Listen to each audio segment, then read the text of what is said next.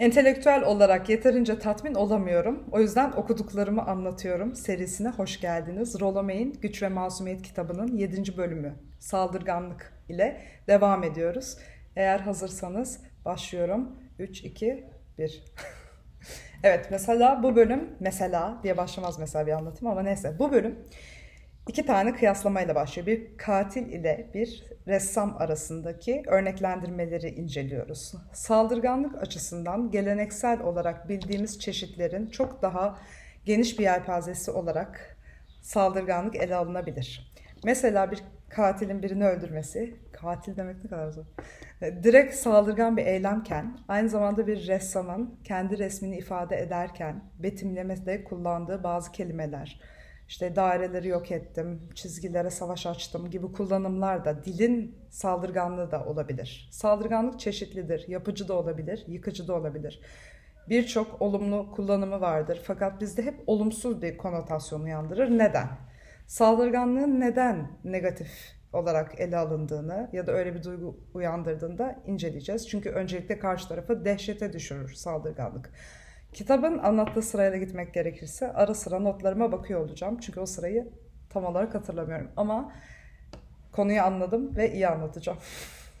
Şimdi e, saldırganlık buradayım, buraya kadar gelebilirsin demekmiş. Yani bir insanın sınırını çizmek, kendi değerlerini korumak, kendi sınırlarını korurken bir şekilde alanına işgal edildiğinde karşılık vererek onların alanını işgal etmek. Karşı tarafın statikosundan, gücünden, kudretinden biraz çalmaya çalışmak aslında. Kendine yer ve alan açmak için yapılabilen müdahaleler ve hamleler olarak düşünebiliriz bunu.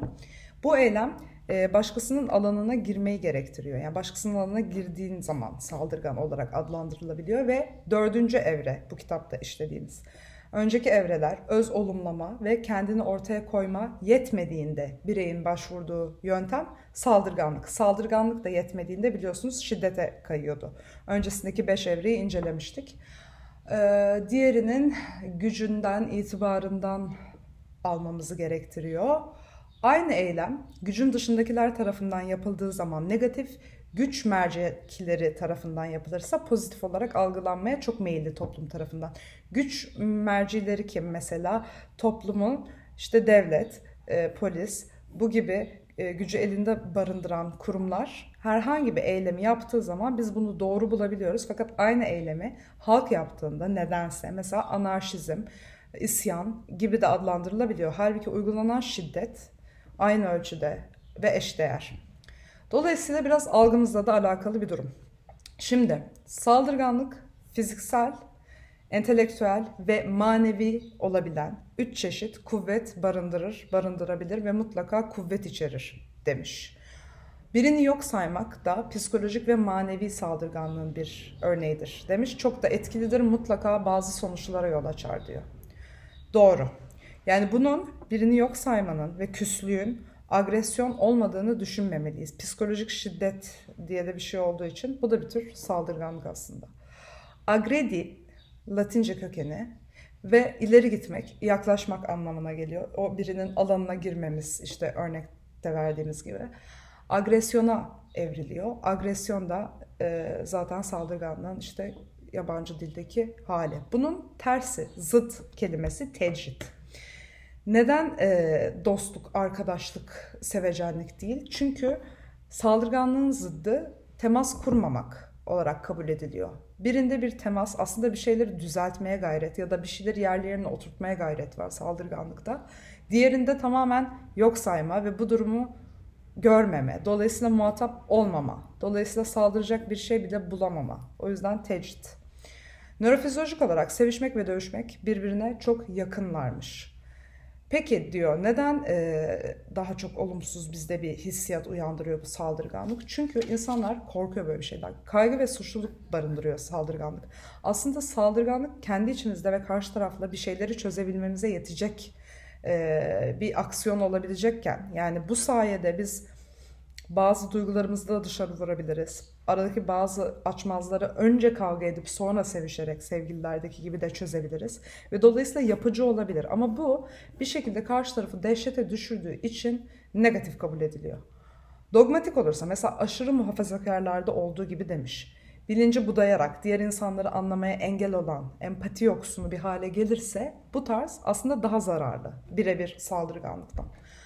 Çeşitleri var. E, iş hayatındaki saldırganlık başarı olarak kabul edilebiliyor. Piyasalardaki saldırgan tutum yine para kazandırabiliyor. Bazı e, durumlarda bu şekilde pozitif bir şekilde teşvik ediliyor. Mesela Rollo May bizim yazarımız bir gün bir konuşmaya gitmiş. Bir konuşmacıların dediklerini hiç anlamadığını fark etmiş. Bir şekilde diyor geçmiyordu diyor benim iletmeye çalıştığım şey. Sonradan nedenini öğreniyor. Meğersem bunlar bir iş e, grubular ve e, terfi almaları için şöyle bir şart koşulmuş onlara. Konuşmacının açıklarını bulun. Yani eleştirel bir şekilde, full saldırgan bir şekilde dinledikleri için bir şekilde iletişim kuramamışlar. O da demiş ki eğer ben önceden bilseydim böyle olacağını o zaman saldırganlık nedir ne değildir amacı nedir gibi başka bir akstan konuşurdum ve iletişim sağlanabilirdi ama hani salt anlatmaya çalıştım ve karşı taraf beni e, tamamen açık bulmak üzere dinlediği için bir şekilde beni algılayamadı diyor örnek olarak. Bir anlamda bütün sanatlar saldırgan olmalıdır diyor. Sanatçı illa kavgacı olmak zorunda değil demiş. Mesela ben kavgacı bir sanatçıyım. Ee, onların asıl kavgaları içlerindedir ve daimi sürer diyor. Bunu da kanvasa dökerler, işte bestelerine dökerler, artık ne üretiyorlarsa sinemalarına dökerler, daktiloya dökerler, yazarlar, çizerler ve bir şekilde bir kavgadır aslında üretim sürecinde olan diye bir yaklaşımı var katılıyorum. Freud'a geçeceğiz. Tekrar mecburen her yerden çıkmak zorunda Freud'umuz. Ego acının kaynağı olan tüm nesnelerden nefret eder, tiksinir ve onları yok etme gayreti içinde peşlerine düşer demiş. Freud ilk zamanlarında saldırganlıktan çok bahsetmiyor. Hatta bunu görmüyor bir e, yani libidoya bağlıyor bu tarz şeyleri. İnsanın ana motivasyonunun saldırganlık olabileceğine değinmiyor. Bunun temel bir güdü olduğunu kabul etmiyor. Başka bir adam şimdi yanlış olmasın Adler'di galiba bahsettiği zaman onun gündemine giriyor ve ilk yazılarında ilk dönemlerinde saldırganlık yok. Sonrasında ego ile saldırganlığa eş bir şeyi anlatmaya çalışmış ama yine adını tam olarak öyle koymamış. Şimdi depresyon ayrı konuya geçtim. Ayrı konuya geçmedim de yani Freud'u kapattım. Depresyon çoğu kez bastırılanın dönüşüdür. Yüzleşilmemiş saldırgan eğilimlerin dolaylı bir ifadesidir demiş. Mesela orada da örnek veriyor. Ablamla kavga etmemek için depresyona girdim diye bir hastası Rolome'ye e, açıklamada bulunmuş. İnsan e, çok saldırgan hayvanlara göre ve insanın başka tarz saldırganlıkları da var. İnsan sadece nasıl diyeyim fiziksel olarak saldırmıyor. Semboller mesela insanın saldırganlığını tetikleyebilen şeyler. Devlet e, yaratılan işte bayrak, vatanseverlik, ondan sonra bu aidiyetler, semboller, sembollere yüklenen anlamlar ve ilkeler insanı onları korumak pahasına saldırgan olmaya itebiliyor ve burada hayvandan ayrılıyor. Şimdi başka e, yapıcı ve yakıcı saldırganlık kişinin sevilme şekilleri de onun ne kadar saldırgan olacağına etkili oluyor. Kişi az sevilirse, yalnız sevilirse, tutarsız bir şekilde sevilirse, kendine sevgisi eksik olan bir anne baba tarafından sevilirse çeşitli saldırganlıklar dışarıya vurabiliyor ileriki zamanlarda. Sivil savaş zamanı mesela örnek veriyorum burada. Kölelik karşıtı bir hareket var. Bu hareketin başını çeken dört tane adam var. İsimlerini yazmadım çünkü ne ben hatırlayacağım ne de siz hatırlayacaksınız. Bunlar beyazlar ve bir şekilde çok iyi eğitimliler. Aslında da sakin çocuklar. Aileleri tarafından sevilmişler. Herhangi bir isyana katılmaları için özel bir gerekçeleri yok. Tamamen gerçekten siyahilerle empati kurdukları için empati empati kurdukları için onların yanında olmak istiyorlar ve onların davalarını benimsiyorlar. Bu tarz saldırganlıklara yıkıcı değil yapıcı diyebiliyoruz. Çünkü onların e, başlattığı hareket sonra bir şekilde olumluya evriliyor. Mesela George Floyd'u örnek verebiliriz.